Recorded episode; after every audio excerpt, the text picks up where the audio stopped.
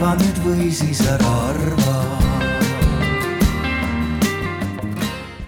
siinne arutelu keskendub äh, NATO-le ja selle rollile Eesti julgeolekupoliitikas. ja meil on siin äh, paneelis äh, Jüri Luik, mitmekordne endine kaitse- välisminister, pikaajaline Eesti Vabariigi diplomaat ja praegune alaline esindaja ehk siis Eesti saadik NATO juures. Samuti on meil siin Küllike Sillas-Telling kes on Eesti Vabariigi Välisministeeriumi poliitika küsimuste asekantsler samuti pikaajaline Eesti Vabariigi diplomaat ja endine Eesti saadik NATO juures. Merle Maigre, kes töötab E-riigi Akadeemia küberturvalisuse valdkonnas, varasemalt olnud äh, NATO küberkaitse Oiva keskuse direktor ja enne seda presidentide Kersti Kaljulaidi ja Toomas Hendrik Ilvese julgeolekupoliitika nõunik ning äh, kindralmajor Veiko Velle-Palm kaitseväe juhataja asetäitja. tere, mina olen Elina Seppet, olen julgeolekupoliitika valdkonnas tegelenud nende teemadega aastast kaks tuhat neli ja pikalt äh, olnud äh, muuhulgas siis kaitseministeeriumi NATO Euroopa Liidu osakonna juhataja. Alustame sellest, äh, mis inimestele kõige rohkem korda läheb juunis oli NATO tippkohtumine ja sellest räägiti ajakirjandusest äh, nii eelnevalt Eesti ootusi ja lootusi äh, sellest kohtumisest silmas pidades kui ka pärast kohtumist üsna palju. kõlas nii see, et ähm, tegemist oli suure edulooga Eesti jaoks aga oli ka neid, kes arvasid, et tegelikult ei saavutatud päris seda, mida oleks tahtnud. kuidas siis on, et Jüri ja Küllike see küsimus on kõigepealt teile, et mis olid siis need detailsed otsused, mis tegid Eesti julgeoleku täna paremaks, kui see oli enne NATO tippkohtumist?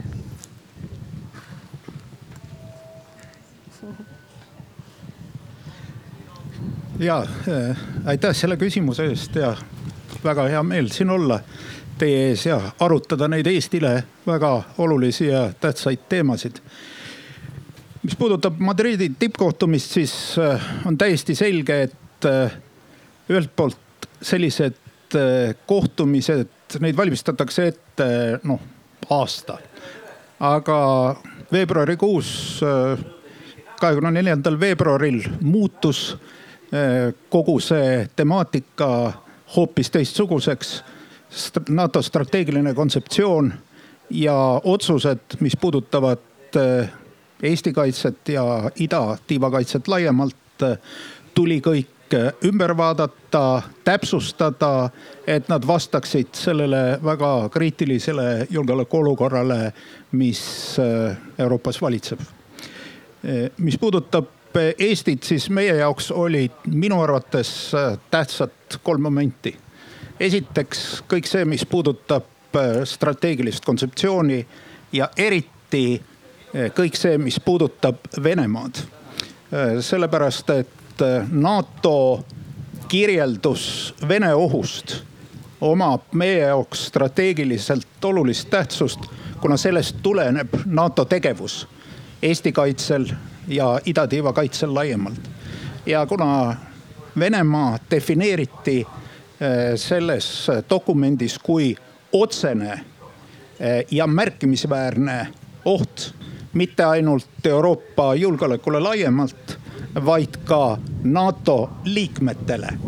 siis loomulikult sõjalise organisatsiooni puhul toob see vägagi olulisi muudatusi, äh, mis puudutab kaitse organiseerimist ja ressursside andmist sellele, sellele tegevusele. teiseks kõik see, mis puudutab idatiiva kaitse tugevdamist ja ma olen kindel, et kindral Palm räägib sellest pikemalt ja tehnilisemalt. aga noh, ütleme niimoodi, NATO-s on kolmkümmend liiget. kunagi ei saa öelda, et kõik riigid saavad sada protsenti seda, mida nad tahavad. Aga minu hinnangul kõik see, mis on vajalik Eesti kaitse tugevdamiseks praeguses julgeolekupoliitilises situatsioonis. selle me saavutasime. aga väga oluline element on see, et me saavutasime selle noh, nimetame seda strateegiliste dokumentide tasemel, mis tähendab, et sügisest nüüd läheb käima väga oluline praktiline tegevus. et kõik need Madridi otsused transleerida reaalseks tegevuseks, eh, reaalseteks üksusteks, reaalseteks võimeteks. ja kolmandaks eh, ma nimetaksin Eesti jaoks erakordselt tähtsana neid läbirääkimisi, mis toimusid Türgi, Soome ja Rootsi vahel eh, NATO peasekretäri Jens Stoltenbergi vahendusel. See lahendus, mis leiti, see protokoll, mis alla kirjutati, võimaldas eh, Soomel ja Rootsil edasi liikuda NATO liikmelisusega. ja pole mingit kahtlust, et Eesti julgeolekupoliitiline situatsioon, Eesti strateegiline positsioon Äh, muutub palju-palju soodsamaks. Meie julgeolek muutub palju paremini kindlustatuks sellest, kui Soome ja Rootsi saavad NATO täisliikmeks. ja nagu me näeme, see protsess käib nüüd hirm suure kiirusega. äsja äh, ratifitseeris äh, Soome ja Rootsi liikmelisuse USA senat, mis muidugi omab võtmetähtsust NATO puhul ma olen kindel, et ka kõik need teemad, mis seoses Türgiga üles jäid, on rahuliku diplomaatia korras lahendatavad ja Soomest ja Rootsist saab, saavad peatselt NATO täisliikmed. aitäh. aitäh, Küllike, on sul midagi lisada? võib-olla lisaksin kaks aspekti, mis äh, on ka Eestile olnud alati olulised, äh, mida siis Madridis käsitleti ja ja võib-olla meie vaates õiges võtmes. üks on see laienemise temaatika, mis eh, on alati olnud meil NATO-s oluline. me oleme toetanud seda nõndanimetatud avatud uste ehk laienemise poliitikat ja, ja noh, see ei ole mingi saladus, et võib-olla kõik liitlased ei ole olnud eh, väga suured eh, edasise laienemise toetajad ehk ei ole väga tahtnud Ukraina, Ukrainast rääkida kui võimalikust NATO liikmest või, või, või ka Gruusiast. aga noh, seekord sai ilusti, me vaatame neid dokumente ja NATO-s on igasugused dokumendid ja deklaratsioonid siiski olulised, sest et seal on kirjas kõik see kokku lepitud äh, konsensuslik poliitika.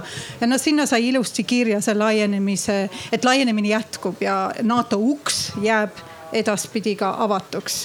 et selles mõttes see võimalus noh, Soome-Rootsi nagu Jüri ütles juba see otsus sai tehtud, et neid võetakse, aga meie tahame, et see uks jääks avatuks ka, ka Ukraina, Ukrainale ja, ja selles mõttes see poliitiline uks on nüüd avatud ja jätkuvalt avatud ja see võimalus on tulevikus olemas teine, teine oluline teema, võib-olla millest siin Eestis ei tundu see nii, nii pakiline, aga on, on Hiina ja kogu Hiina käsitlus.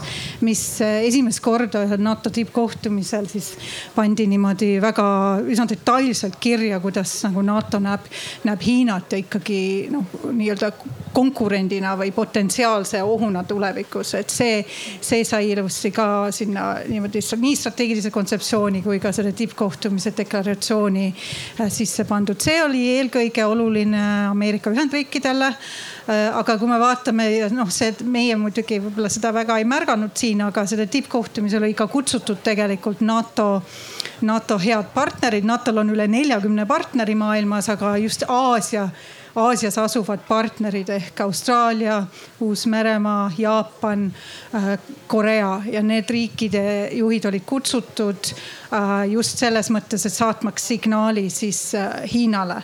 ja noh, lihtsalt see seos tekib meie jaoks ka Ukrainaga et, et meenutan, et juba veebruari algul isegi presidendid Putin ja Xi võtsid vastu deklaratsiooni, kui nad kohtusid, kus siis oli öeldud, et NATO laienemine et nad on NATO laienemise vastu. ja muidugi me teame Hiina positsiooni on olnud selle Ukraina kogu, kogu sõja suhtes selline, pigem nad on olnud venemeelsed kui, kui, kui meiemeelsed, nii et ähm, need teemad olid ka seal tippkohtumisel üleval, aga muidugi need kolm teemat, mida Jüri mainis, olid need peamised.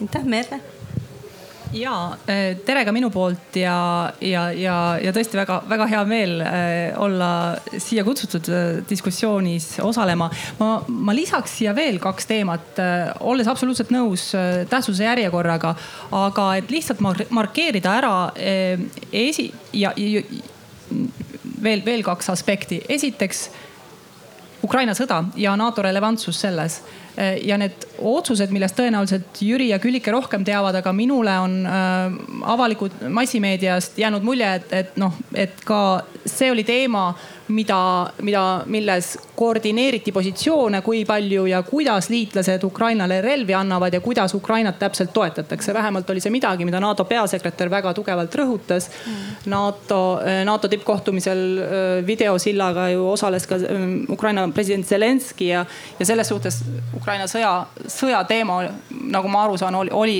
oli jutuks, kuidas Ukrainat toetada ja teine on küberambitsioon esimest korda tegelikult siis selles samas NATO strateegilises kontseptsioonis ja ka laiemalt tippkohtumiseks valmistat-, valmistamisel on nüüd NATO võtnud vähemalt retoorikas küberis ambitsioonika seisukoha. iseasi kui selle osas kriitiline olla, siis võib öelda, et vajaka jääb praktilisest äh, arusaamisest või teadmisest, kuidas seda ambitsioonikust realiseerida nii poliitilisel, tehnilisel kui sõjalisel äh, tasandil, aga, aga vähemalt on see küber küberründed midagi ja küber, küber siis liitlaste kübervõimete väljaarendamine midagi, kus NATO sõna võtab.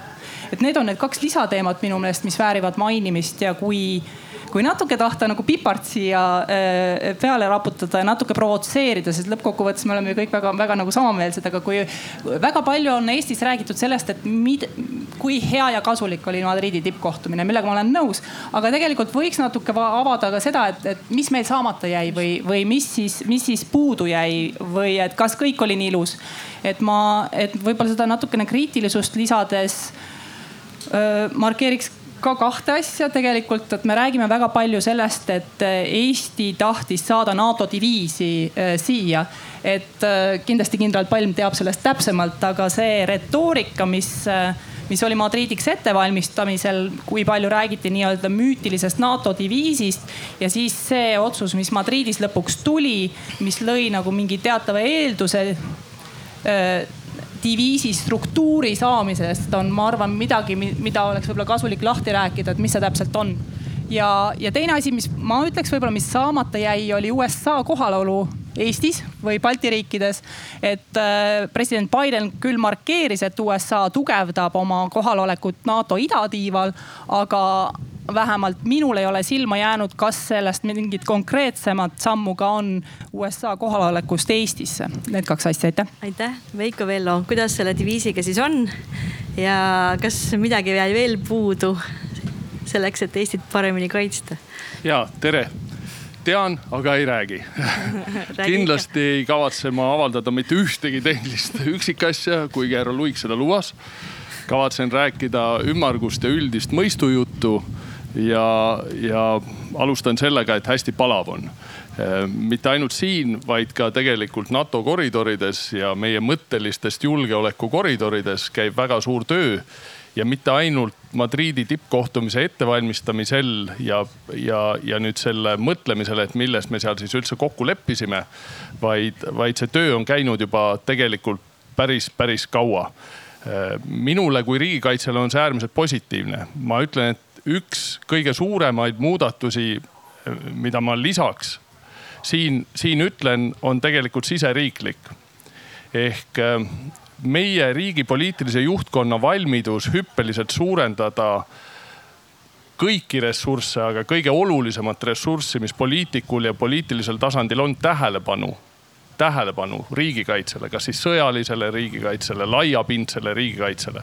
see on olnud märkimisväärne ja, ja see tegelikult on selle edu alus või igasuguse progressi alus. ehk kui sa ise ei taha panustada, siis mitte keegi ei võta sind tõsiselt ja, ja meie riigikaitse toetub kahele sambale, üks on iseseisev kaitsevõime, igasugune kaitsevõime ja teine on siis liitlaste abi vastuvõtmine kui nüüd liitlastest rääkida, siis äh, ma ütleks, et tegelikult see murrang on olnud päris suur ja päris märkimisväärne.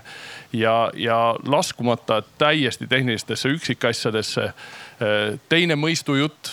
Äh, ma olen väga heas vormis tugitoolisportlane ja, ja ma tean väga täpselt, et kahe tuhande kahekümne neljanda aasta olümpiamängud tulevad Pariisis, need tulevad augustikuus ja kergejõustikuprogramm leiab aset esimesest üheteistkümnenda augustini. odaviske eelvõistlus on kuuenda augusti hommikul ja lõppvõistlus seitsmendal augustil. meie kõik unustame selle kohe ära loomulikult.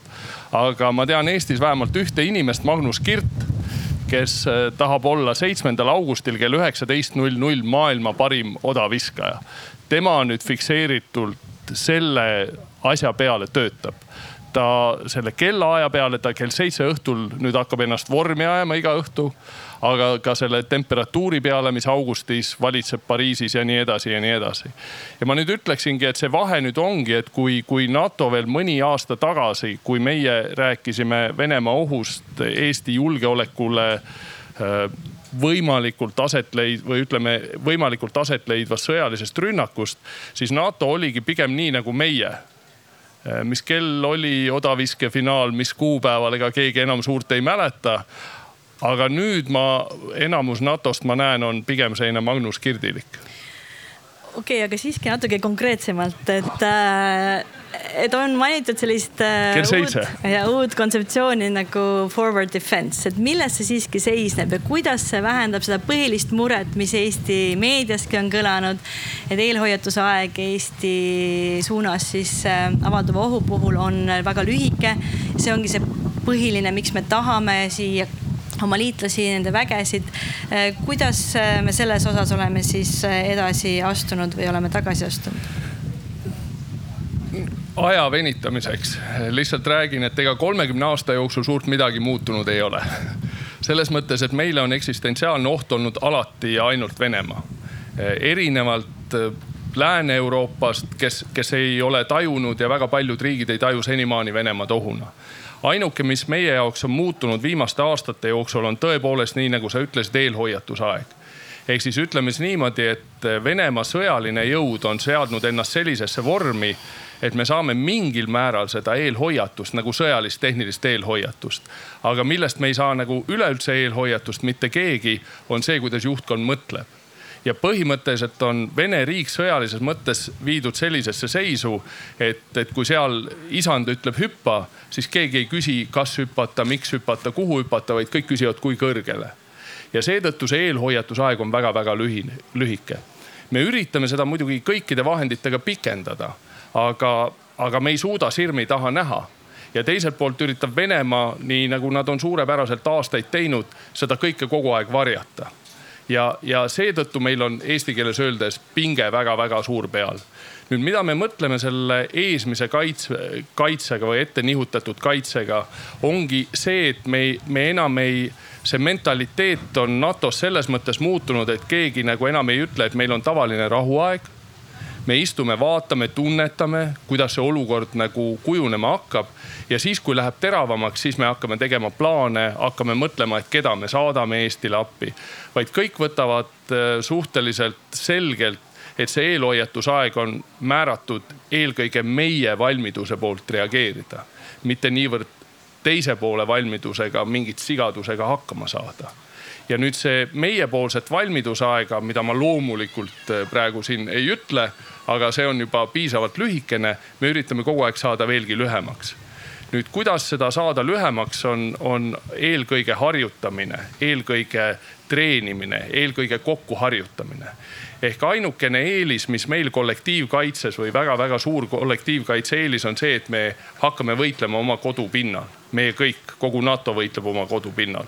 meie teame, mis meil siin on ja meie suudame seda tulevast kontakti, konfliktipiirkonda ette valmistada. ja me suudame seda viia sellisel tasemel, et kui kuskil kaugel Britimaal või Saksamaal või Prantsusmaal istub teine sõjaväelane, kes teab täpselt, mida ta teeb sellel hetkel, kui vilet puhutakse. mitte ta ei hakka mõtlema, mitte ta ei hakka ootama käske, vaid ta hakkab kohe jooksma ja toimetama. ja see mõttemalli muudatus on toimunud see on kogu selle eesmise kaitse mõte Eesti eesmine kaitse koosneb meie oma kaitseväest, meie reservväelastest. see koosneb siin olevatest liitlastest, siin ette paigutatud liitlaste varustusest, sest seda on kõige raskem liigutada. ja siis kõrges valmiduses olevates liitlasüksustes, keda siis vajadusel kohe siia siirdetakse. see on selline lühikene kompott ja meie tahame olla kiiremad, kui nemad jõuavad suure sigadusega hakkama saada. üks küsimus veel, et juba enne me rääkisime see forward presence, eks ole, nad olid juba siin olemas, meil on teatud äh, elemendid juba, juba eelnevalt e-, Eesti pinnal. mis on siis see kvaliteedihüpe, ilma et ühtegi saladust reedaks, mis saavutati?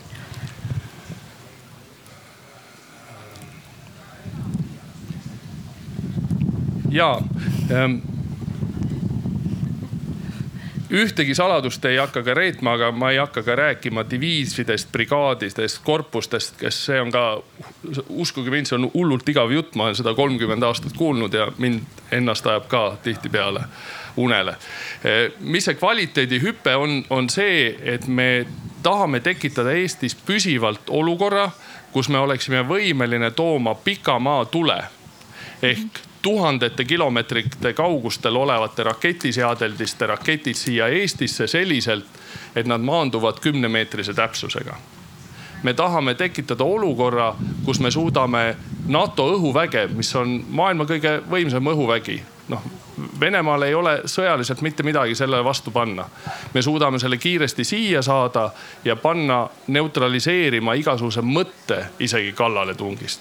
seda sõjaväelaste keeles kutsutakse diviisi tasandiks ainult sellel tasandil on võimalik integreerida eri väeliike nagu õhuvägi, merevägi, erioperaatorid, ka küberväed, küberefektid selliseks laiapõhjaliseks, laiapindseks kaitseks üle suure maa-ala, nagu seda on Eesti. ehk jälle selline halb näide, et algkoolis ja põhikoolis võib ka põhimõtteliselt teadustööd teha aga see on meeletult keeruline, sa pead iga kord hakkama seletama, et jah, meil on siin põhikool, aga noh, tegelikult me teeme siin teadustööd. siis nüüd me avame ülikooli ja ütleme, meil on ülikool ja me saame siin teadustööd teha ja kõikide jaoks on see arusaadav. Ja veel üks täiendav küsimus. Sest... siin on teised panelistid, mina lootsin siin lihtsalt kaunistuseks Jüri tahtis ka täiendada, üks asi veel, et äh, mis sa arvad, kuna me selleni jõuame, mis on see ajaraam? nagu Jüri mainis, et äh, tegemist on ikkagi strateegiliste dokumentide nihkega selles, äh, sellel tasemel, et kuna see jõuab sellisesse reaalsusesse no paotades natukene seda saladuskatet, siis väga paljudes osaalades me juba oleme siin. Me juba oleme sellel tasemel, et me suudame väga paljusid asju juba teha, mida see loodav diviis hakkab tegema. mis see nüüd see kunst mida me peame tegema, on, on äh, esiteks see, et me peame looma selguse, et kõik saavad aru, mis nüüd toimub, kes juhib, kuidas juhib. me peame ennast natukene õpetama ja me peame muutuma paljude oma tähtsate liitlaste jaoks selles mõttes salongi kõlbulikuks ehk siis saavutama puhtas äh, inglise keeles street credibility ehk kui sa läbid teatud väljaõppetsüklit, oled koos näiteks ameeriklastega teatud konkreetsetel õppustel, siis nad pärast seda õppust ütlevad, ahaa, ma saan aru, kes te olete. ma saan aru, milleks te võimelised olete ja ma suudan teile ilma mõtlemata, ilma, ilma kaalutlemata anda väga selliseid olulisi ja keerulisi võimeid teie alluvusse. aga ma arvan, et meil riigina ei tasu mõelda, et Venemaal hakkab olemast oht või nüüd Venemaa uus suur kallaletung, sest sõda on ju käinud kahe tuhande neljateistkümnendast aastast. et see uus suur kallaletung on Venemaa kuidagi nagu pilbasteks äh, purustanud. ma arvan, et see, see ajavõit on Ukraina rahva vere hinnaga ja, ja riigi hävimise hinnaga on, on, on olemas. aga ma ei usu, et see on üle paari aasta ja, ja ma ütleks välja kohe sellise ilusa kas ilusa, aga vähemalt meeldejääva, paremini kui seitsmes august üheksateist null null odaviske finaal on kahekümne neljas veebruar kaks tuhat kakskümmend neli, kaks aastat. kakskümmend neli, null kaks, kaks null, kakskümmend neli. aitäh, Jüri, tahtsid seda? ja ma täienduseks võib-olla natuke räägiksin nendest äh, aruteludest NATO-s, jäädes loomulikult äh, kindral Palmi poolt äh, määratletud piiridesse. ma pean ütlema, et need arutelud, mis viisid Madridi tippkohtumisele, olid ühelt poolt loomulikult väga konkreetsed, aga teiselt poolt ka väga kontseptuaalsed. sest NATO muutis üsnagi märkimisväärselt oma lähenemist, mis puudutab NATO tegevust Kesk- ja Ida-Euroopas. Vaidlusteemad olid näiteks seesama eelhoiatus. meile väga paljud oponendid ütlesid, et kuulge, sõjaplaan, mida venelased rakendasid Ukraina suhtes, see avaldati kuus kuud varem Washington Postis. igaüks võis seda lugeda Eh, kas te tõesti kujutate ette, et eelhoiatus noh, Kesk- ja Ida-Euroopa puhul, et see võiks olla kuidagi lühem? Meie ütlesime, ärge tehke nalja, see on haruldus, see on uunikum. et eh, sõjaplaane teatakse nii palju ette, et neid võib sõna otseses mõttes Washington Postist lugeda. Eh, noh, võtame kasvõi teise sellise olulise teema. seesama, millele kindral Palm viitas. kas Vene armee on täna niivõrd surmavalt nõrgestatud, et ta ei kujuta pikema aja jooksul enam mingit ohtu? On väga paljud NATO riigid, kes vaatavad tänast Vene armeed ja selle tegevust täiesti üleolevalt ja ütlevad, et no näiteks need täpsusrelvad, mis on NATO käsutuses, võimaldavad viia läbi sõjalise operatsiooni Venemaa vastu kiirelt, efektiivselt ja ütleme, Vene armee on paljastanud oma nõrkuse. meie vastuväide oli täpselt see, millest siin juba juttu oli. paar aastat venelased õpivad oma vigadest. Ukraina on umbes Prantsusmaa suurune riik Äh, Ukraina ründamine ja näiteks NATO idatiiva ründamine võivad kontseptuaalselt olla täiesti erinevad. ärme kuidagi Vene armeed nii-öelda maha kanna, see oleks kõige rumalam, mida me äh, võiksime teha. nii et äh, selles mõttes oli väga palju niisugusi põhimõttelisi vaidlusi ja võib-olla üks kõige teravamaid vaidlusi oligi seotud sellesama forward defense'iga sest paljud ütlesid, et see on vana külma sõja aegne kontseptsioon.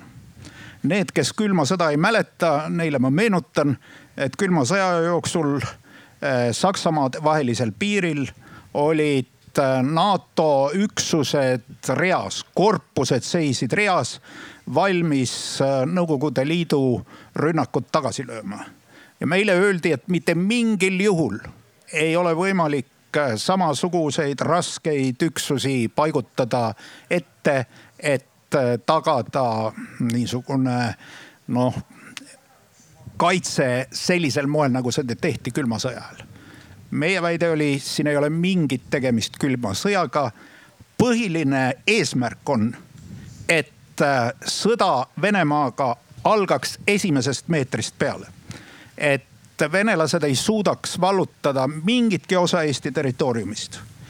ja selle ülesande lahendamiseks on vaja garanteerida, et Eesti territooriumil asuvad kaitsejõud ja on olemas kaitsevõimekus ja, ja see puudutab mitte ainult Eesti vägesid, kes on loomulikult siin, vaid ka NATO üksusi, ka juhtimisstruktuure.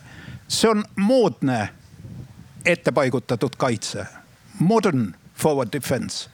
aga see põhimõte, nagu on öelnud president Biden, et me kaitseme igat tolli või ütleme igat sentimeetrit Eesti territooriumist.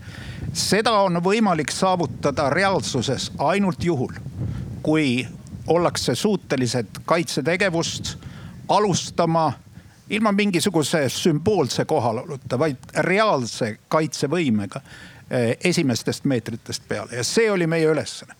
lõpuks läks vaidlus nii suureks, et oponendid ütlesid ei, forward defense ei ole meile sobiv, see on ikkagi külma sõja aegne kontseptsioon. ja siis lõpuks me peatusime kontseptsioonil, mille nimi oli defense forward. nii et forward defense asemel, kui te loete strateegilist kontseptsiooni, leidub seal hoopis kontseptsioon defense forward meie siis tegime suure kompromissi ja ütlesime, no kui defense forward, olgu siis defense forward ja nii ka jäi. Aitäh, rääkides ähm, strateegilisest kontseptsioonist mainisid äh, enne, et oli suur äh, asi, et Venemaa defineeriti sellise ühtse eksistentsiaalse ohuna nii NATO-le tervikuna kui, kui liitlastele samas äh, nüüd kuuleme sellest, kuidas Saksa liidukantsler Scholz ütleb, et Schröder võiks vahendada Venemaa ja Saksamaa vahelisi gaasiläbirääkimisi. Et kui palju, kuidas neid, äh, neid erinevaid kilde siis ühte pilti paigutada?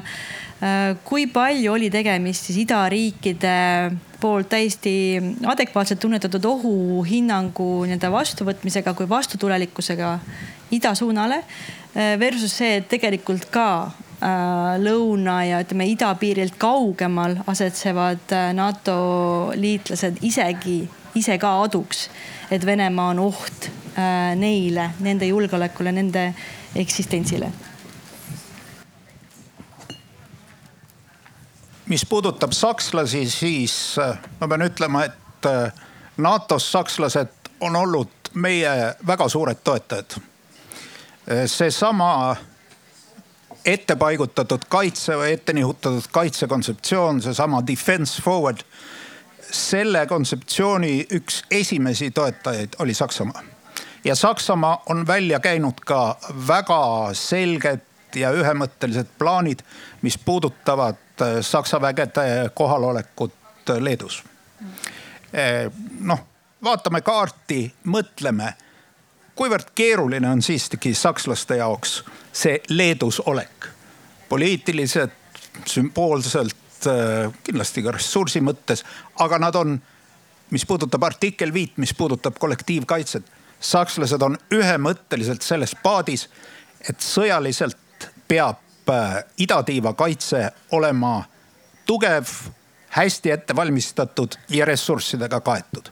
ja mis puudutab näiteks õhuturvet sakslased on kõige rohkem õhuturvet äh, Eestis Ämari lennuväljalt teostanud riik, kõige rohkem, kõige rohkem rotatsioone on nad enda kanda võtnud. Jällegi, see on üsnagi ressursimahukas, äh, äh, keeruline operatsioon.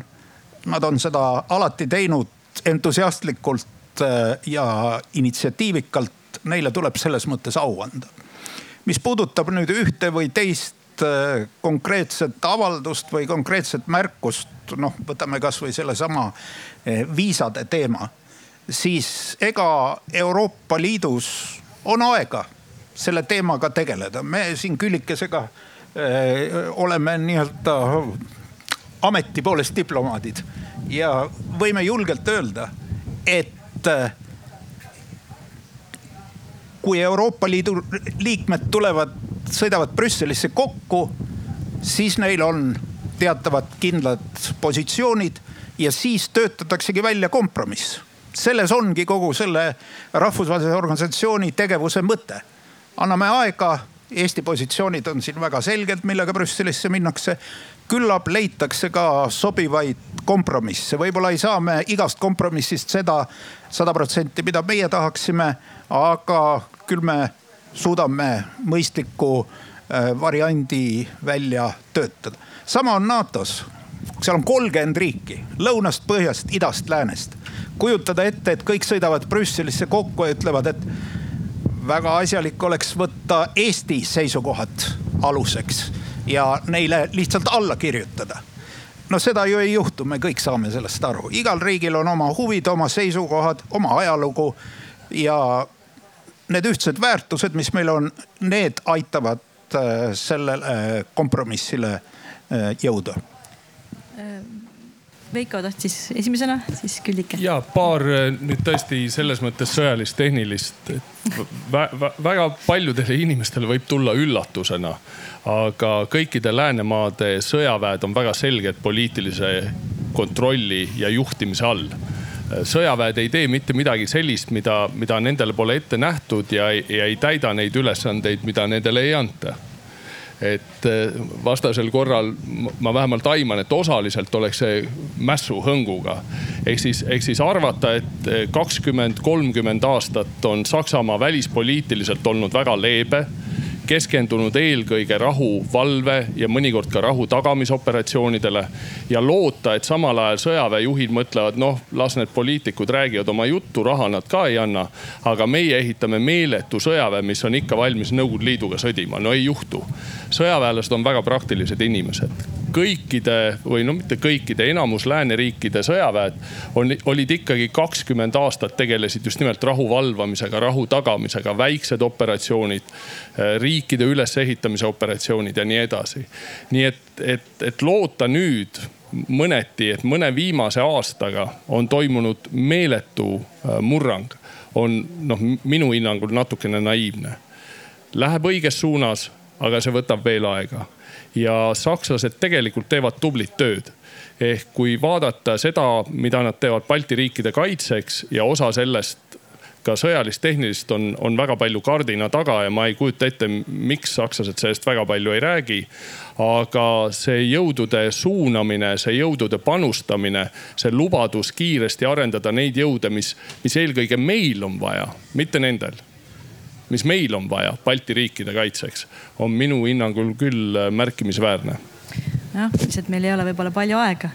Küllike aitäh, ma tahtsin äh, võib-olla tulla tagasi selle Vene teema juurde ja kas seda tajuvad teised liitlased nagu meie. muidugi on erinevusi, et meie tajume Venemaad ühtemoodi ja Portugal öö, äh, oma geograafilise asukoha tõttu muidugi tajub seda natuke teistmoodi. aga ma ei tahaks nagu, et jääks mulje, et nüüd sellel tippkohtumisel esimest korda üldse nagu öeldi, et aa, Venemaa on oht. see ei ole õige.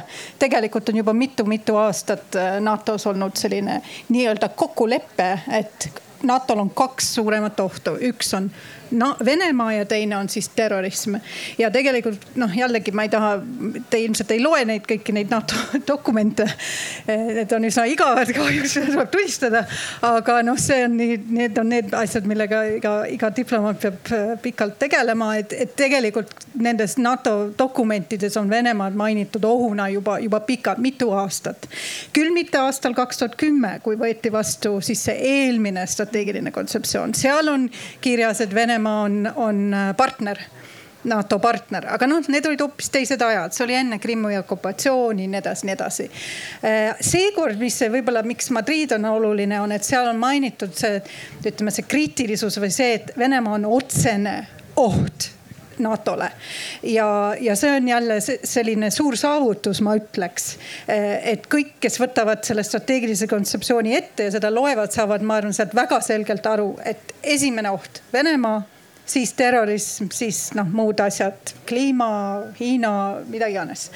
aga, aga see on juba oluline, et kõik on nii-öelda kogu allianss saab ühtemoodi aru, et see esimene oht, millega tuleb tegeleda milleks tuleb kollektiivkaitset tugevdada, on, on eh, Venemaa ja Saksamaa kohta ma tahtsin ka lihtsalt nõustuda selle eh, hinnanguga, et Saksamaa on palju teinud, et noh, me kipume vaatama kogu aeg seda, mida nad ei tee ja ei tee piisavalt kiiresti.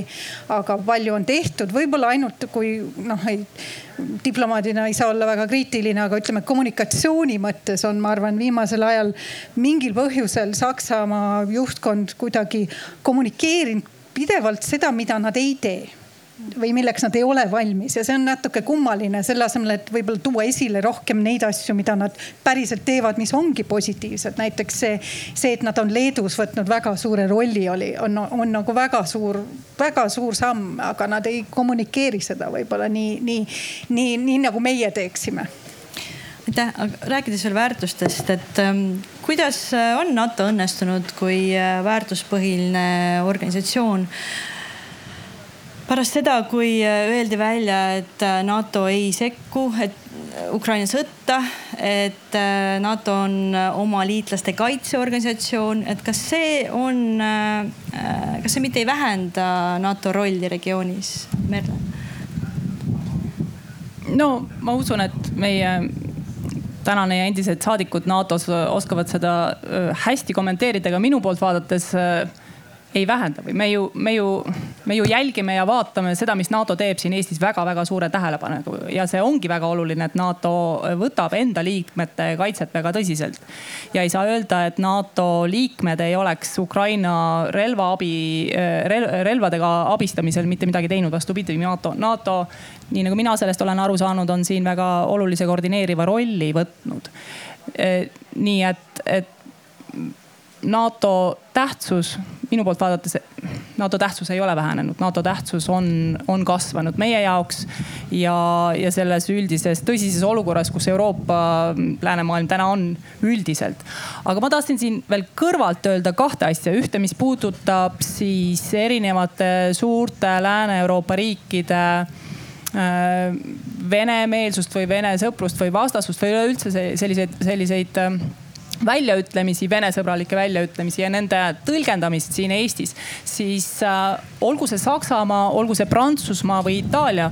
ühest küljest on muidugi väga hea, et Eesti meedia korjab üles väga tundlikult neid venesõbralikke telefonikõnesid Putinile või siis sedasama Scholzi väljaütlemist, et Schröder on, äh, on justkui hea ja sobilik äh, vahendaja. ja, ja see on oluline, et me oleme kriitiline selle osas, aga, aga sama tähtis on, et me suudame suurt pilti mõista ja suudame ka mõista seda, selles kontekstis näeme ka seda positiivsust, et me siin ei oleks sellised väikesed kurjad, kurjad äh, Balti riigid, kes, kes kogu aeg ainult äh, virisevad ja, ja rahulolematud on, vaid seesama Saksamaa tegelikult ju tegi ajaloolise otsuse, suurendades oma kaitsekulutusi. lisaks sellele, et ta on väga tõhusalt panustanud Leedu, Leedu kaitsesse ja Eesti õhukaitsesse.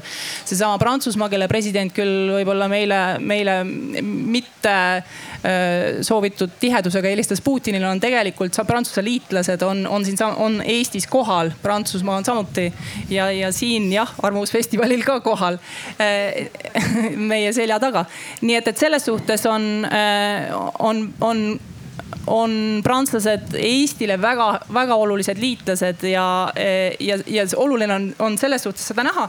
ja siinkohal ma tahtsin seda öelda, et minu meelest on hästi tähtis, et meil oleks väga head diplomaadid sellistes formaatides nagu NATO või Euroopa Liit, kus nimelt täpselt nagu Jüri ütles, et, et kõik ju ei, ei näe seda maailma nii nagu Eesti positsioonid äh, ette näevad, vaid, vaid see on igapäevaline selline vaidlemine, äh, aru, arvamuste vahetamine, seda peab tegema nõnda, et, et, äh, et teised liik-, Euroopa riigid ka meie seisukohtadest aru saaks ja seetõttu on hästi-hästi oluline ja vajalik, et me oma parimad diplomaadid saadaks NATO-sse, Euroopa Liitu ja nii edasi ja samuti, et ka, et ka teised riigid saadaks NATO-sse häid diplomaate, häid saadikuid, et see NATO formaadis oleks vestlus võimalikult kvaliteetne ja, ja selle kaudu ka otsused, mida igapäevaselt, iganädalastel koosolekutel tehakse kõrge kvaliteediga aitäh, Jüri, kas äh, oli viga see otsus mitte sekkuda Ukraina sõtta ja kuidas see on üldse mõjutanud NATO äh, või noh mõju ja rolli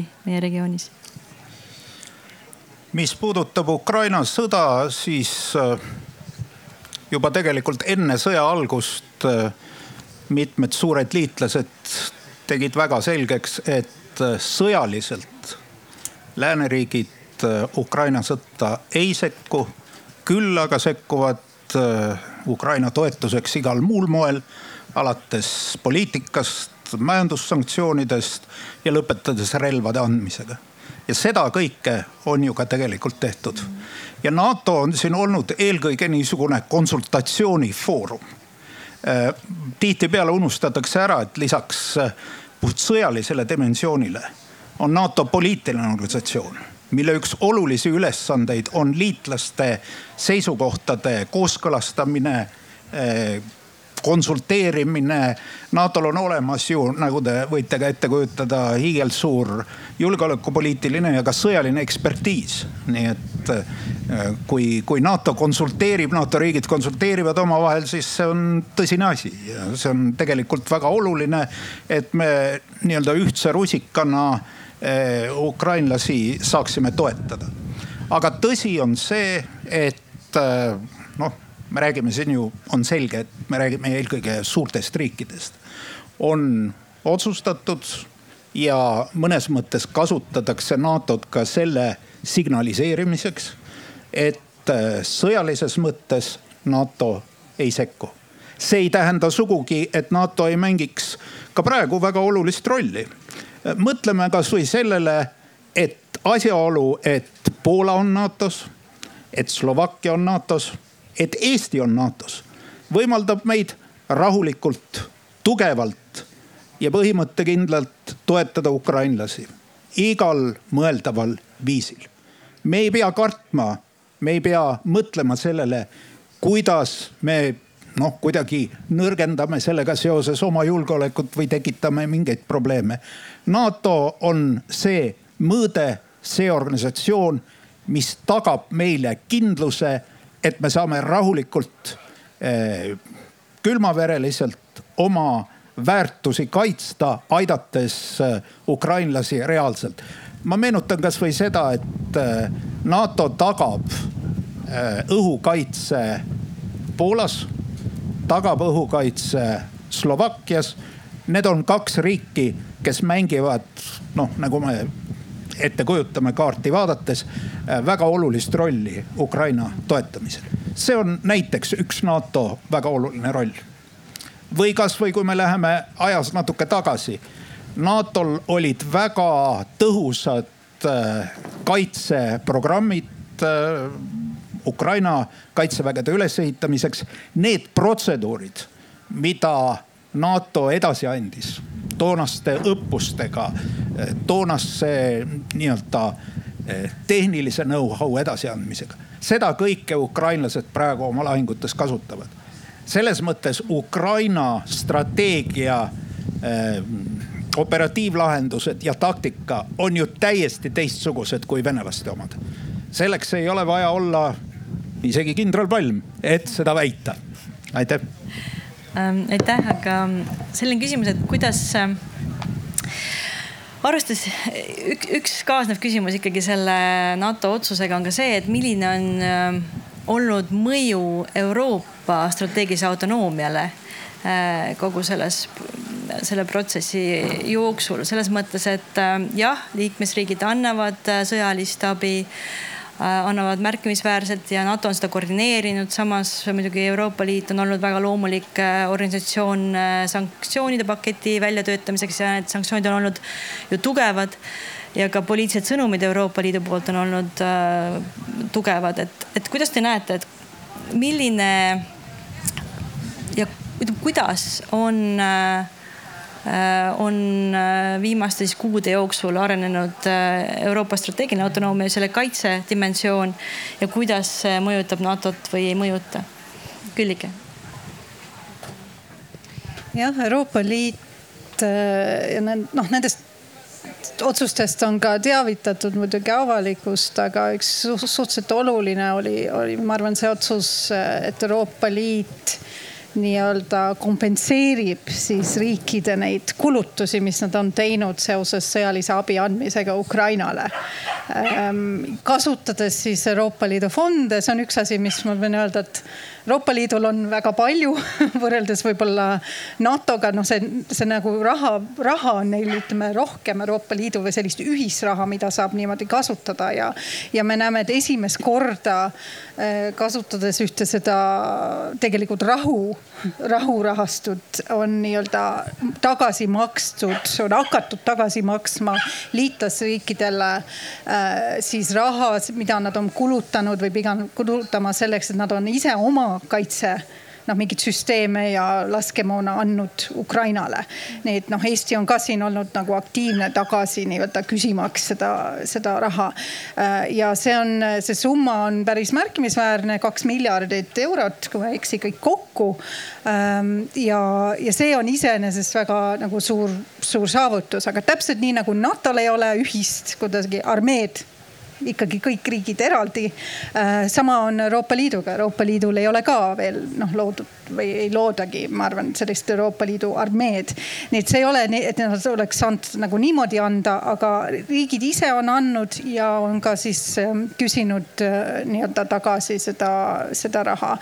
Äh, poliitilises mõttes on ka, ma arvan, see selles kriisis on olnud või sõjas ütleme, Euroopa Liit on olnud väga, väga ühtne. Äh, noh, sanktsioonid siin võib sanktsioonide mõju hind hi,, selle hindamine on võib-olla natuke keeruline algul, aga, aga noh, kõik noh, hinnangud, mida on nüüd hakatud tegema, näitavad, et neil, neil on olnud mõju. osad sanktsioonid on sellised, mida tuleb neid tuleb lasta neil veel nii-öelda töötada ja mõjuda Vene, Vene majandusele ja nii edasi. aga plaan on nendega ikkagi edasi minna, et see on märkimisväärne, ma arvan, ja see, seda ei tohiks nagu alahinnata. Ja poliitiline ühtsus, esimesed poliitikud, kes me vaatame, kes käisid Kiievis, kes need olid, Europarlamendi president äh, Metsola väga jõuliste sõnumitega, Euroopa Komisjoni president äh, Ursula von der Leyen väga-väga selgete sõnumitega. Ja võib-olla kõige olulisem, mida Euroopa Liit on on teinud minu hinnangul viimasel ajal on see, et nad, et otsustati võtta, ühiselt otsustati ikkagi, et Ukraina saab Euroopa Liidu kandidaatriigiks et nii-öelda see protsess on alanud, et kõik need asjad on väga olulised. just eelkõige selle tõttu, et see andis nagu ukrainlastele, ma arvan, sellist vajalikku lootust. et, et nemad sõdivad Venemaaga, aga et nii-öelda kõik lääneriigid, Euroopa riigid ei ole neid unustanud, vastupidi me ootame Ukrainat äh, kunagi siis meie, meie juurde. Veiko Velle. ja ma ütleks kolm sellist omavahel nõrgalt seostatud mõtet. et Euroopa Liidust kõigepealt, et aastate kaupa on käinud vaidlus, millist rolli Euroopa Liit sõjaliselt peaks kandma, kas ta üleüldse peaks kandma ja kas ei ole asjatu dubleerimine, NATO dubleerimine ja no see vaidlus käib ja käib ja, ja kestab veel tükk aega. nüüd tundub, et kuidas ma siis ütlen, kui Eestist vaadata, kui Eesti inimene vaatab ja mõtleb, et noh, mis on need julgeolekuohud siis noh, number üks on Ukraina praegu, tähendab mitte nagu oht, vaid selles mõttes see fookus, kuhu meil, meil asi läheb. Venemaa kallaletung Ukrainale, sõda Ukrainas, kõik või väga palju teist kindlasti, kõik teist, kes te siin olete. Äh, loete iga päev blogisid, vaatate, kuidas seal läheb, mis on arengud ja nii edasi. järgmine küsimus on see, et, et mis nüüd siis meile sellest, et, et kas meie oht on suurenenud, ei ole suurenenud, see on küsimus number kaks. ja, ja siis sõna otseses mõttes tuleb hästi palju tühja ruumi, hästi palju tühja ruumi aga no ega need ju ainsad kriisid maailmas ei ole või ainsad julgeolekuohud Eestile. Balkanis kööb, Küpros on, ma ei tea, seitsesada aastat juba jagatud või seitsekümmend või, või viiskümmend aastat vähemalt. aga Küpros on jagatud, Aafrika ja nii edasi ja nii edasi, neid probleeme on veel ja veel kui me nüüd tahaksime näiteks, et NATO tegeleks eelkõige kollektiivkaitsega ja, ja tõmbaksime seda tekki väga palju enda peale, siis me peaksime leidma kellegi, kes tegeleks nii väiksemate asjadega. ja väiksemate, mitte nagu alatähtsustatud, aga mitte selliste asjadega, mis võiksid kaasa tuua sellise mõne riigi kadumise maakaardilt. et seesama Balkani asi, miks mitte Euroopa Liit. see oli üks mõte. teine mõte oli sanktsioonide osas. mina sõjaväelasena ütlen, et, et nad on tegelikult tõhusad kui te vaatate, kuidas praegu Venemaa ründab Ukraina objekte sügavuses, siis, siis need niinimetatud täppislöögid, mis enam eriti täpsed ammu ei ole, me oleme sellega kõik juba harjunud nende, nende kildudega ja õudsete piltidega, mis me näeme. aga praegu enamasti lastakse õhutõrjeraketti õhutõrjeraketti lastakse maa sihtmärkide pihta. no kuidas ma siis ütlen, viiuliga saab naela seina lüüa. Nagu on võimalik täiesti, ma olen ise ka kunagi proovinud, tõsi küll kitarriga, aga, aga see selleks. et aga see ei ole eesmärgipärane, see ei ole otstarbekohane. Ja nüüd raisata õhutõrjeraketti selliste asjade jaoks, see näitab, et nendel on nappus käes nendel on tegelikult väga-väga suur nappus käes. nii et need sanktsioonid toimivad. ja, ja kolmas nüüd täiesti seostamatu mõte, aga mul tuli lihtsalt pähe. nüüd äh, tagasi selle juurde, et kas NATO teeb piisavalt, kas kollektiivkaitse ja liitlaste kohalolek on see põhiline, mille järgi me seda mõõdame tihtipeale. et palju meil siin liitlasi on, kes siin käib ja nii edasi. tuhat oli umbes, tuhat kuni tuhat viissada liitlast oli meil peale seda, kui tehti EFP ehk siis liitlaste ette nihutatud äh, üksuste otsus. täna on igapäevaselt Eestis umbes kaks pool tuhat liitlast suurte õppuste aeg neli tuhat, kuus tuhat liitlast. see on meeletult suured arvud, see on väga kallis ka igapäevaselt seda siin hoida.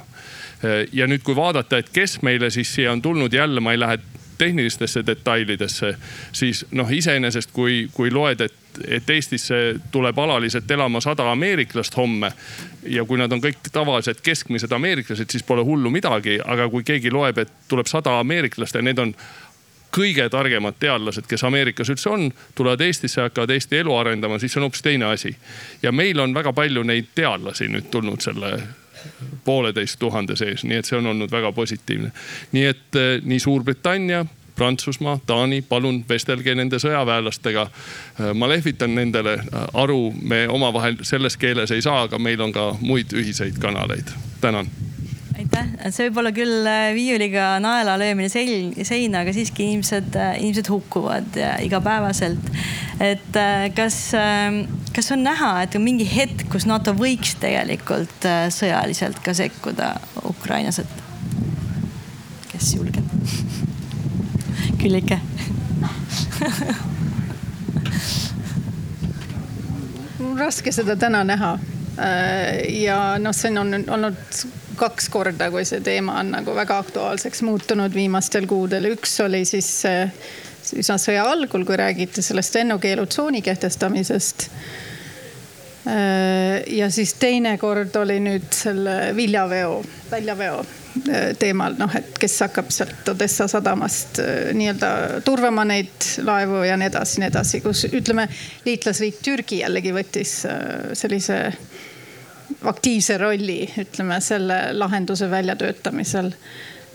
aga mul on raske seda näha ja, ja noh, see on see, mida ka Jüri ütles, et isegi enne seda sõja algust ütles USA, USA president väga-väga selgelt, et meie sõjaliselt sekkuma ei hakka. nii et noh, välistada ei saa, aga, aga noh, ma arvan, see sekkumine saab ainult olla siis, kui see sõda peaks äh, üle kanduma mõnda NATO riiki. ja seda me muidugi, me loodame, et seda ei juhtu äh, aga see oleks, ma arvan, ainuke põhjus, sest siis meil oleks juba nii-öelda artikkel viie olukord ja, ja see oleks hoopis midagi muud. Jüri, soovid sa kommenteerida? Ei, ma, ma olen siin Küllikesega täiesti nõus, et, et praegu on, on tõesti seda väga raske, väga raske ette kujutada. üks väga-väga oluline fookus, mis on olnud suurtel lääneriikidel, on noh, kuidas ma ütlen tu,, tuumasõja vältimine. me siin Eestis võib-olla igapäevaselt ei mõtle sellele tuumasõja eh, dimensioonile, aga praegu, kui me siin teiega räägime, liiguvad Atlandil pimeduses strateegilised tuumaallveelaevad. pidevalt on õhus äh, strateegilisi rakette kandvad äh, lennukid. Äh, ja see on teema, mida suured lääneriigid, eriti tuumariigid, vaatavad väga tõsiselt. ja kui midagi juhtub, siis nad ütlevad, et te tulete ju meie juurde, eks ole USA president peab siis hakkama mingeid väga traagilisi otsuseid langetama, mis puudutavad tuumakonflikti. ja see on üks teema, mis mõjutab riike. nii et äh, see pole mingi eriline saladus, see on ka selle ettevaatlikkuse põhjus, mis puudutab äh, otsest äh, relvastatud sekkumist sellest tuumateemast oh,, Merle, jah enne kui me sukeldume tuumateemasse, milles, milles ma lasen rääkida äh, ekspertidel, kes teavad sellest osatult rohkem ja osalevad erinevates tuuma, tuumaaruteludes. Äh, ma tahtsin seda öelda, et, olemata üldse erineval seisukohal, aga tahtsin juhtida tähelepanu ka meie enda kommunikatsioonile, kui me äh, selles mõttes, et, et, et ikkagi nagu küsida, mida NATO ei tee. Äh, vaadata seda, mida, kuidas näiteks positsioon Ukrainale relvaabi andmisel on ajas muutunud võrreldes veebruari lõpuga, äh, äh, veebruari lõpust kuni tänaseni. kui, kui sõja alguspäevil oli NATO liikmesriike, kes ei tahtnud Ukrainale anda muud kui ainult ütleme mittesõjalist abi ja varustust, siis tänaseks on see positsioon ikkagi väga radikaalselt muutunud. ja relvi, mida antakse, need on järjest, järjest ründavama otstarbega mitmik rakett, raketid, kaugtulevõime eh, ja nii edasi, mis tõesti ju annab tulemust, kui me vaatame ja jälgime seda igapäevast lahingupilti Ukrainast, nii et, et, et eh, need positsioonid on ka muutunud, ei ole ainult selline sõja algusest saadik mingisugune kivisse raiutud äh, ei, vaid, vaid siiski selline, selline noh, vaadatakse otsa reaalsusele ja Ukrainat tahetakse abistada. aitäh korraks selle tuumateema juurde tagasi tulles, et ähm, tuumateemast on Eestis vähe, vähem võib-olla räägitud kui tõesti mõnes äh, muus äh, riigis ja tahtsingi küsida, et kuidas ja kas üldse see Ukraina sõja kontekstis on noh, tuumaheidutus kui NATO alustala, eks ole, kas see kontseptsioon on kuidagi muutunud, kas on kuidagi arutatud seda, et, et, et milline on NATO roll ja kas üldse on NATO roll olukorras, kus üks riik võib nii-öelda harrastada sellist tuumaterrorismi, nagu siin viimasel ajal on on, on mainitud, et ja kui NATO seda rolli ei ole, siis kas selles mõttes ikkagi NATO järjest tühisem või mitte, et kuidas, kuidas kogu see diskussioon NATO-s on toimunud, kui on? Jüri. siin me liigume juba teemadesse, millest ma siin pleksiklaasi katuse all ei saa väga-väga rääkida. aga ütleme niimoodi, et jällegi nagu Elina ütles, nendest teemadest me räägime üsnagi vähe.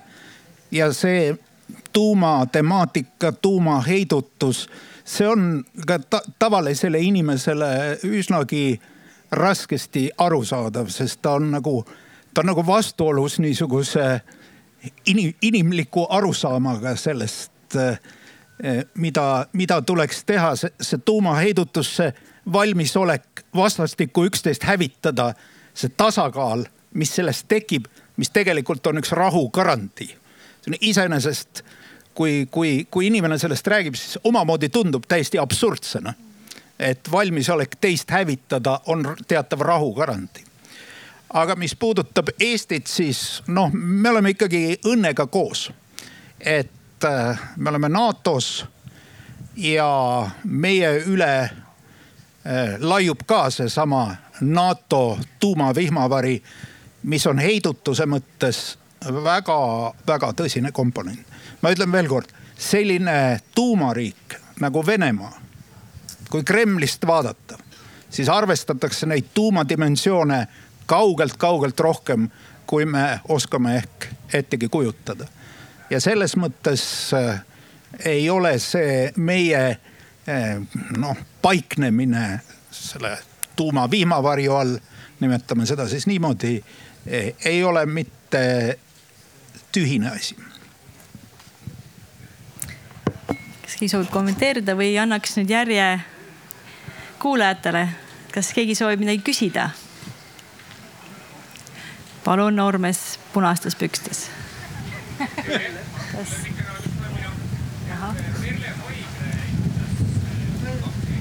oota, üks hetk, üks hetk.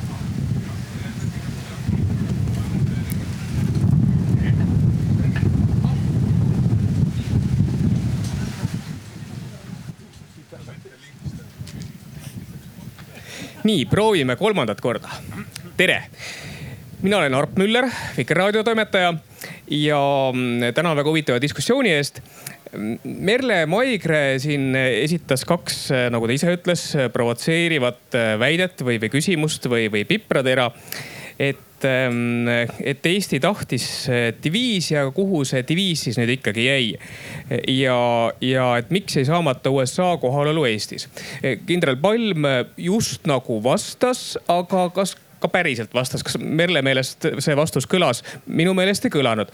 ja, ja siin ühe vastuargumendi ma siin ka juba ajakirjanikuna pühiks laua pealt maha ma ei mäleta, kas seda ütles kaitseväe juhataja või oli see mõni poliitik, kes, kes väitis, et, et, et diviis ei mahuks siia Eestisse lihtsalt ära. et Eesti on nii väike, et diviis ei mahu ära, et, et ma tuletan meelde, et Eesti on Euroopa Liidus vist kõige väiksema rahvastikutihedusega riik.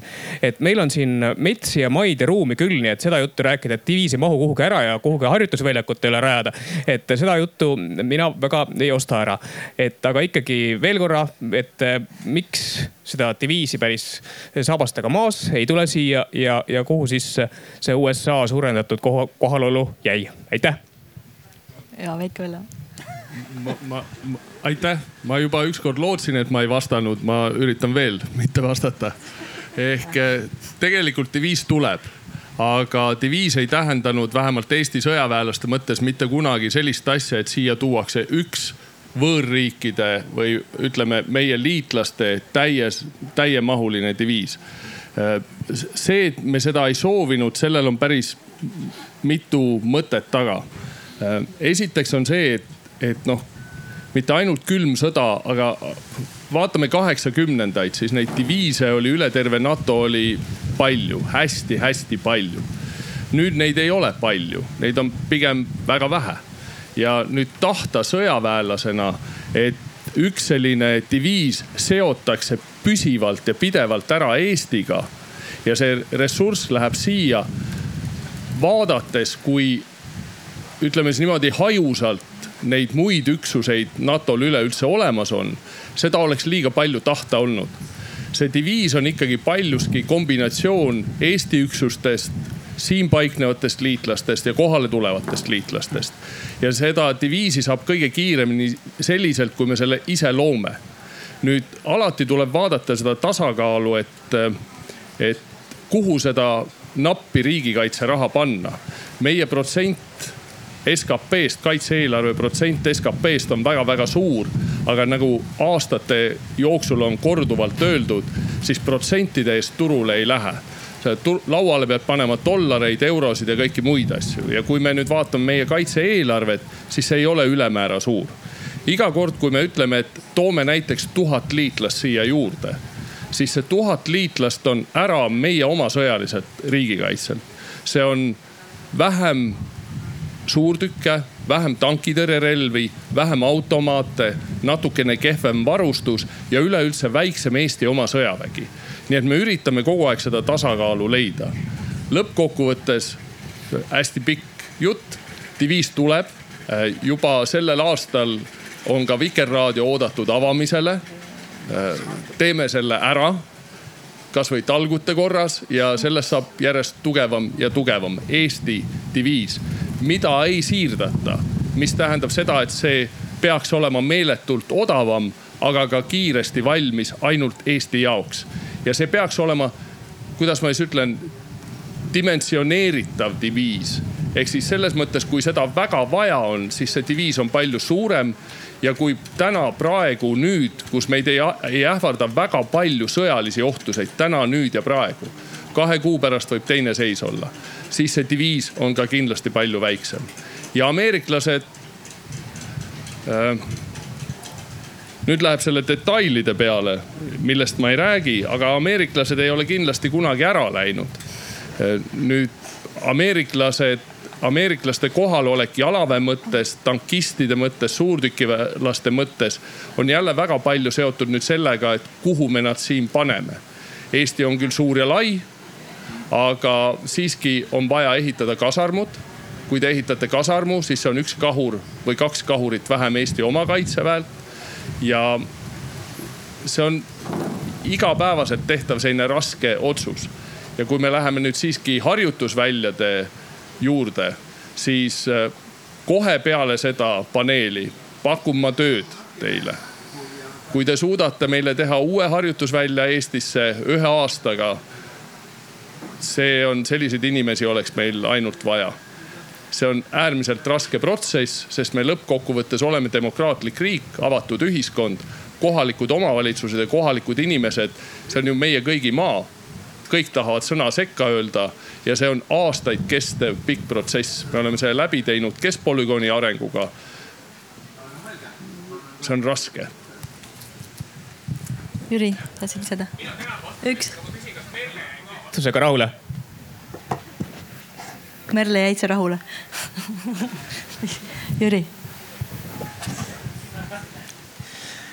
Ehm, jah, ma ei teagi, kas me jäi rahule või mitte, aga eh, ma, ma kordaks korraks seda veel, mida kindral Palm ütles eh, nii-öelda laiemas kontseptuaalses mõttes. Ikka me räägime tihti sellest, et mida me tahame, et NATO Eestis teeks. aga me oleme osa NATO-st. Selles mõttes ei ole, ei ole keegi valmis midagi meie eest ära tegema. ja seesama, nii seesama juba nimetatud diviis, see tõepoolest pannakse kokku eh, Eesti brigaadidest, eh, pannakse kokku NATO jõududest, mis on pidevalt siin ja neist, mis tulevad siia õppusteks või siis eh, kriisi korral. nii et selles mõttes on, on see diviis olemas ja mingit sellist plaani, et siia tuleb NATO diviis, mis koosnebki teiste riikide sõduritest ja ohvitseridest seda tõesti ei ole, eh, ei ole kunagi olnud. ma arvan, et see lahendus, mis, mille me praegu oleme Madridist saanud, on, on väga asjalik. aga fakt on ka see, et väga oluline on siin nende riikide panus, kes on valmis osalema selles Eesti kaitse tugevdamises ma tahaksin eraldi muidugi esile tuua Suurbritanniat, kes on mänginud äh, võtmerolli, aga samuti Prantsusmaad, Taanit, Belgiat, väga mitmed väga-väga äh, äh, olulised liitlased, kes on tõesti palju ära teinud, sest, sest NATO teeb niisugused noh, ütleme, paneb paika raamid, paneb paika strateegia aga konkreetne kohalolu on seotud ikkagi konkreetsete riikide väga konkreetsete otsustega. mis puudutab nüüd ameeriklasi, siis eh, kui te loete seda kõnet, eh, mida president Biden pidas Madridis, siis seal on tegelikult juttu ka Balti riikidest ja seal on juttu eh, tugevdatud kohalolekust Balti riikides. tõsi, seal ei ole ju juttu alalisest kohalolekust aga seal on juttu tugevdatud kohalolekust, mis lahendatakse läbi äh, planeerimise, õppuste ja, ja, ja kõige muu sellise. aitäh, palun veel küsimusi. okei okay,, tere, äh, Margus, minu küsimus on selline, et tegelikult pikka aega on strateegiliselt teada, et äh, Eesti kaitse mõttes üks nõrgemaid lülisi on põhimõtteliselt Läti-Vene piir et äh, kui suur on äh, see valmisolek, et peakski näiteks saatma neid inimesi, kes meil on määratud äh, sinna noh Setumaad nii-öelda põhimõtteliselt kaitsma se selleäärset Vene piiri, et, et kui suur on valmisolek näiteks osasi saatma sinna Latgalisse või noh, noh põhimõtteliselt lõuna poole piiri kaitsma, kui vajadus on, sest me noh, ka praegu teame, et see nii-öelda professionaalse armee katse, mis neil on olnud äh, arendada, et selle on nad kõrvale pannud ja hakkavad nüüd ajateenistujaid äh, juurde võtma, aga see protsess võtab aega ja kui noh, tuh-tuh-tuh, kui lähiaastatel mingi rünnak toimuks, siis kindlasti vajadus oleks minna Lätile äh, appi, et seda piiri seal kaitsma. rohkem isegi võib-olla, kui meil endal on. võik olla ma arvan, et see mitte ainult valmidus, vaid me oleme seda ka tegudega näidanud, et Eesti nagu ka Läti, Leedu vaatavad asja regionaalselt, et, et vastane ei vaata riigipiire ja, ja vastane, vastast ei huvita ausalt öeldes, noh lõppkokkuvõttes ta just üritabki tekitada sellist olukorda, mis meile tundub väga keerulise otsusena. see, see ei ole üldse keeruline otsus. me oleme liitlased, kui nemad on hädas, meie lähme nendele appi, kui meie oleme hädas, tulevad nemad appi. ma tuletan meelde, natukene üle aasta tagasi oli olukord, kus Valgevene kasutas põgenikke relvana ja, ja surus äh, sisse imporditud põgenikke algul üle Leedu piiri ja siis üle Poola piiri. Meie jaoks, meie poliitilise juhtkonna jaoks, ma olen väga rõõmus loomulikult, aga ka kaitseväe jaoks ei olnud mingit kahtlust, et me, me, me olime kohe Leedus kohal, me olime kohe Poolas kohal kasvõi juba sellepärast, et näidata, et me oleme koos nendega, me jagame sama julgeolekumuret. nii et ma nagu nii väga ei, ei alavääristaks lätlasi või, või ülehindaks meid, võib-olla nende poole pealt on, oleme meie samasugune julgeolekurisk, kui, kui teie praegu kirjeldasite Lätit ma, ma pigem ütleks, et meie mõtlemine, meie mõtteviis peaks olema see, et kui vastane näeb meid ühe tervikuna, siis me olemegi üks tervik. Oleks ideaalne, kui Eesti, Läti, Leedu, Poola noh, tulevikus Soome, Rootsi ja nii edasi, oleks sõjalises mõttes minu sõjaväelise juhi jaoks üks selline suur sõjaline Schengen kus meie üksused, meie nii-öelda üksuste relvade mõjud meie inimesed saaksid vabalt edasi-tagasi liikuda, nii nagu see sõjaline olukord seda nõuab ja nii nagu poliitiline tasand selle kokku lepib. see oleks minu jaoks ideaalne olukord kindral Palm ütleski lõpus selle, selle mõtte välja, mida ma tahtsin lisada, et äh, kui Balti riigid ja Poola on, on sõjaliselt üks ruum, siis tegelikult nüüd lisaks Soome-Rootsi liikmelisusega NATO-s laieneb see Soome ja Rootsi. ja oluline ei ole mitte ainult äh, maakaitse, vaid ka õhukaitse ja merekaitse, mis Soome ja Rootsi liitumisega ikkagi otsatult äh, tugevamaks läheb ja, ja selles suhtes läheb pilt Eesti vaates veelgi paremaks ja, ja, ja no just nagu, nagu öeldes veel lisades, et kui aasta tagasi oli tõsine olukord äh, Poola ja Leedu Valgevene piiril, kus äh, Valgevene kasutas äh, immigrante nii-öelda sõjalise relvana, siis tegelikult, kui me mõtleme ajaloo, mõned aastad tagasi, kaks tuhat viisteist, kuusteist kasutas Venemaa samamoodi põgenikke Põhja-Soomes ja Rood- ja, ja Norra piiril nii et, et, et see ei ole iseenesest midagi uut ja selles suhtes äh, oleme seda näinud ja, ja nüüd, kus Soome, Rootsi NATO liikmeks saavad, oleme, oleme valmis äh, appi minema. Küllike. ja kõigega nõus, see on nagu üks tasand, on see regionaalne tasand ja otse loomulikult me läheksime Läti ja Leedule appi või, või Soomele, Rootsile.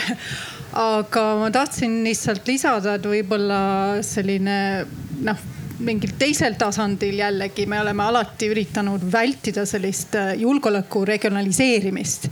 ehk siis ähm, kui me mõtleme sellesama EFP peale või selle nii-öelda diviisi peale või mitte diviisi peale, mis siia tekib või tek, võiks tekkida kriisi või konflikti puhul, siis äh, mida me ei taha, on, et kui läheb otsustamiseks, äh, et kes tuleb või kes on üldse kohal Eestis, et siis öeldakse, et ah, see on teie enda asi, vaadake ise, et Eesti läheb Lätti, lätlased tulevad Eestisse ja ongi kõik. me oleme tahtnud kogu aeg, et oleks nagu selline üle alliansiline nii-öelda lahendus.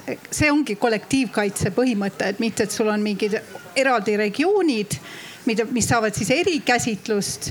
Äh, ja nii et see ongi, miks ma ütleks, me oleme väga-väga õnnelikud ja rahul, et näiteks Suurbritannia on siin ja, ja, ja on osa meie või meie EFP-s nagu juhtgrupp, nii et ähm, jah, me läheksime appi, aga teisalt me tahame ka ikkagi, et teised liitlased oleksid siin tun-, õpiksid tundma meie territooriumi ja et see ei oleks ainult nii-öelda jäetud mingiks äh, Balti, Balti probleemiks, mida me siis omavahel lahendame.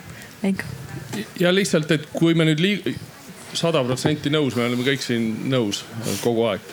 et äh, kui, kui nüüd liikuda natukene praktilisele tasandile, siis äh, konventsionaalse jõu vastu sellise sõja vastu, mis, mis toimub Ukrainas, on sul vaja üht tüüpi relvi, üht tüüpi üksuseid, üht tüüpi väljaõpet. see, see on väga spetsiifiline asi ja me tegeleme sellega.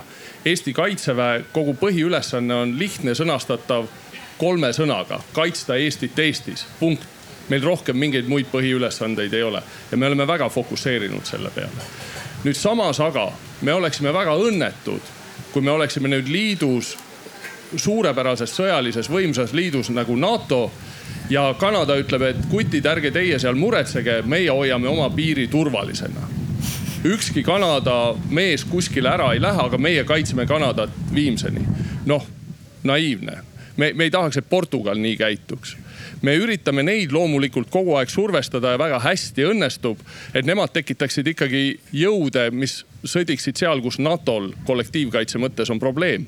ja see on veel kord meeletult kallis nende jaoks, nende jaoks oleks odavam teha üksuseid, mis on kogu aeg kodus ja kuhugi ei seila aga seetõttu tähendab ka seda, et see julgeolek sõna otseses mõttes on jagatud.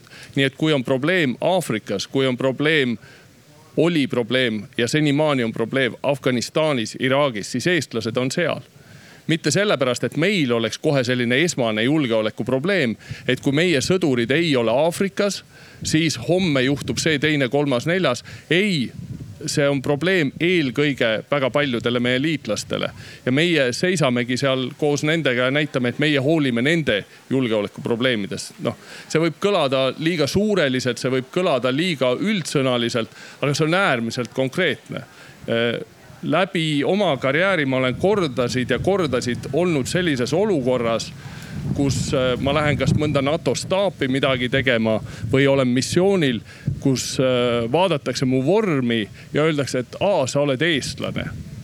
Teie teete seal seda asja, mul on siin teised asjad, tähtsad asjad, ma lükkan need kõrvale, ma hakkan sinuga tegelema. see ei ole mitte ainult üks kord olnud, see on väga-väga praktiline asi nii et see minu jaoks on jagamatu julgeolek on selline teoreetiline kontseptsioon, aga toonud mulle väga palju praktilist kasu. Palun veel küsimusi. ja tere, Priit olen ja küsiks sellise küsimuse, et Ukraina näitel me näeme, et äh, miljonid inimesed on põgenenud, eks ju, Euroopasse ja neil on hästi lai piir Poolaga aga kas on arendatud ka strateegiat, et kuidas Baltikumisse põgenemine peaks toimuma, et äh, vaadates, kui Suwalki koridor on mõnikümmend kilomeetrit või sada kilomeetrit ainult. et äh, kas venelane on võimelisel, võimeline selle konkreetselt blokeerima ja, ja mis siis saab, et kas, kas seda strateegiat on nagu arendatud, et, et sellele võiks kõik vastata ja võib-olla Palm alustab. aitäh, võta lonks vett ja alusta.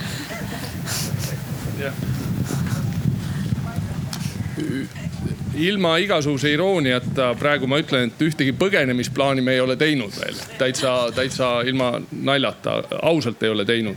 kui nüüd, kui nüüd vaadata seda geograafiat, siis see geograafia tõesti, tõesti tundub olevat esmapilgul probleemne. ja, ja muuseas lugege, vist oli Erkki Koort Postimehes kirjutas Kaliningradi probleemist siin mõni kuu või mõni nädal tagasi ja võttis paljude inimeste käest arvamusi. seal on esitatud minu arust väga, väga selge arusaam, et mis see Kaliningrad on ma, ma ei näe praegusel hetkel Suwalkit väga suure probleemina NATO vaatenurgast. loomulikult seal võib tekitada sigadusi, aga need sigadused on pigem ajutised.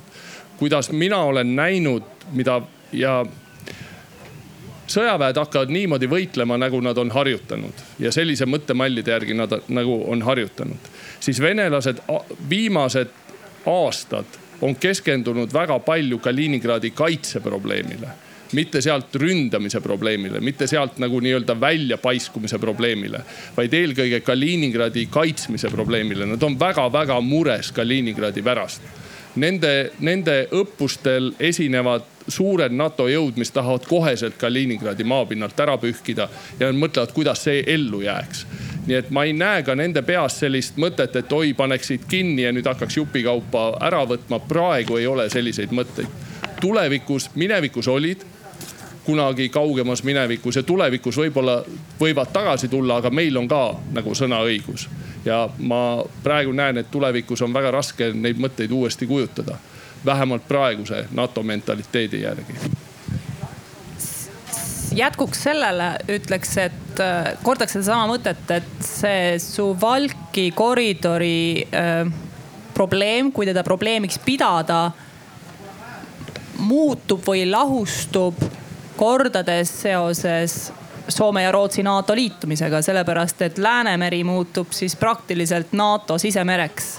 Ja võimalus kasutada väga praktiliselt Soome-Rootsi äh, sadamaid äh, ja, ja lennuväljasid selleks, et, et kogu seda territooriumit siit paremini kaitsta, muutub, muutub palju paremaks. Küllike, paluti kõigil vastata, ei, ongi. viimane küsimus, mulle tundub, meil on vähemalt ühele või kahele küsimusele veel ruumi, siin oli üks soov saaks palun esimesse ritta, selle mikrofoni esimesse ritta, palun, ma ei näe, kus see on. see oli käsi juba enne püsti ja siis teie. siia.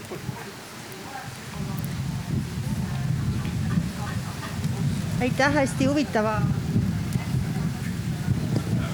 aitäh huvitava arutelu eest. ma tahaks teid natuke kiusata tulevikuga. on kakskümmend kakskümmend neli ja Valges Majas on jälle tagasi president Trump. ja president Trumpist me mäletame, et ta ei rääkinud kõige paremini NATO-st, aga samas tema teod jälle transformeerisid meie jaoks tegelikult positiivsetesse asjadesse nagu kaitsekulude tõus ja nii edasi.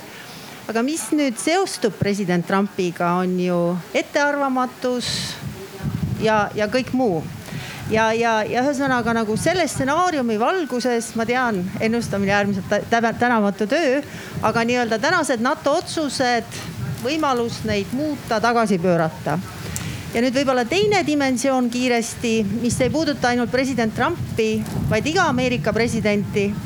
et juhul, kui näiteks lõviosa Ameerika tähelepanust tema ka sõjalistest võimetest on Aasias, näiteks Taiwan'i ümbruses, siis meie Euroopa liitlaste võimekus äh, olla usutav heidutuse ja kaitse mõttes. Aitäh, alustaks siitpoolt nüüd.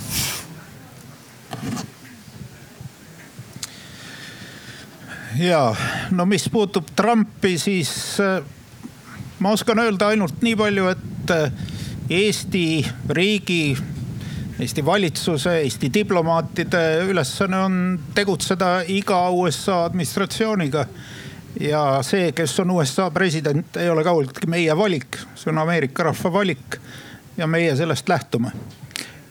Teil on muidugi õigus, et äh, peale niisugusi esialgseid äh, arvamusavaldusi tegelikult kogu Trumpi administratsiooni strateegia oli NATO-t toetav ja eriti väga paljudes äh, praktilistes küsimustes, küsimustes, mis puudutasid õppusi, relvastuse andmist Balti riikidele Äh, ja, ja väga paljud muud. nii et selles mõttes äh, jah, tõepoolest oleme, oleme väga edukalt töötanud ka Trumpi administratsiooniga, nii et, äh, et see jah, ei ole, ei ole probleem. mis puudutab seda igavest küsimust, et kas USA on kuidagi seotud Vaikse ookeani piirkonnas ja kas see kuidagi kahjustab USA osalust Euroopas, siis äh, olgem ausad, USA on globaalne suurvõim ja need kriisid on ikkagi väga spetsiifilised, puudutavad mingeid spetsiifilisi alasid, operatsioone, riske. see ei ole mingi niisugune abstraktne globaalne roll Eh, nii et selles mõttes mul ei ole kahtlust, et kui me räägime konkreetsetest riskidest, kui me räägime konkreetsest heidutusest eh, nii-öelda arvude keeles, praktilises keeles, siis USA-l ei ole mingit probleemi tagada heidutus eh, Euroopas ja tagada heidutus Vaikse ookeani piirkonnas.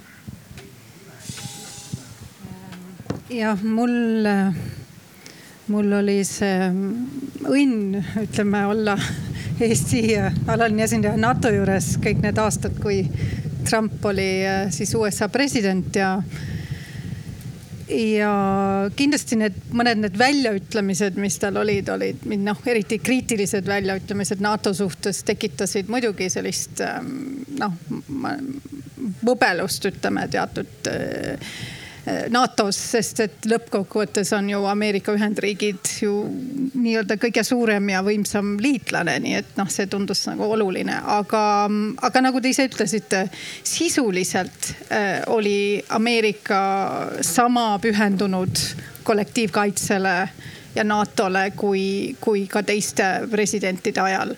ja võtame kasvõi selle näite, et Ameerika Ühendriikide kohalolu vägede näol tegelikult tõusis äh, Trumpi ajal äh, see, mis, mis otsustati enne Obama ajal, et vähendada kohalolu, tegelikult Trump nagu peatas selle osaliselt ja, ja siis.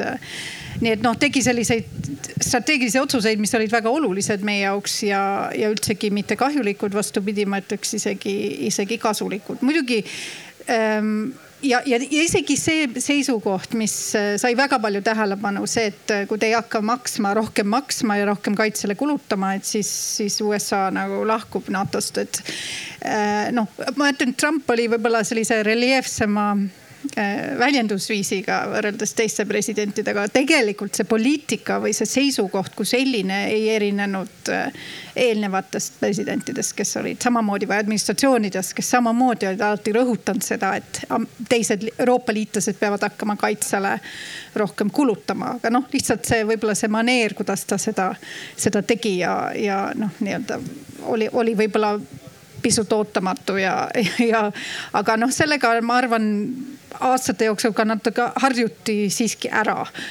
et, et selline, selline, see ongi see nagu väljendusviis.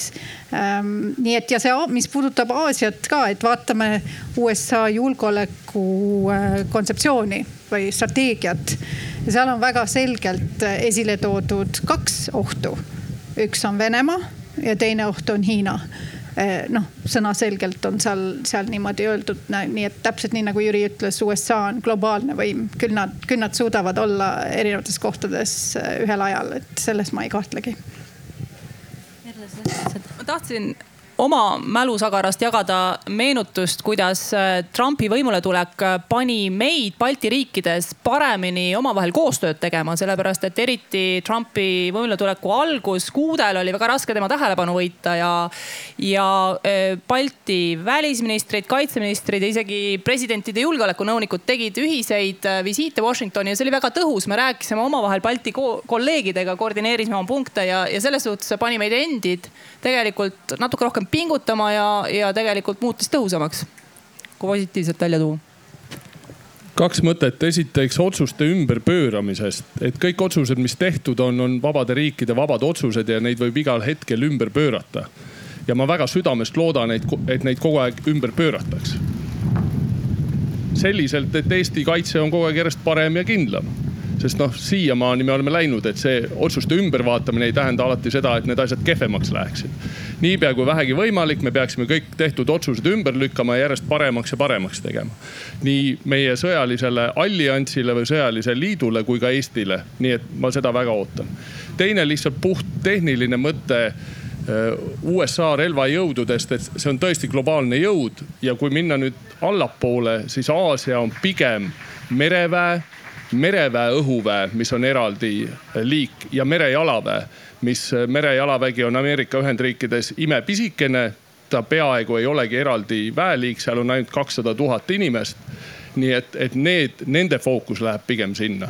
ja kui rääkida nüüd teiselt poolt, siis Euroopa teater, Euroopa teater on pigem ikkagi maavägi ja õhuvägi.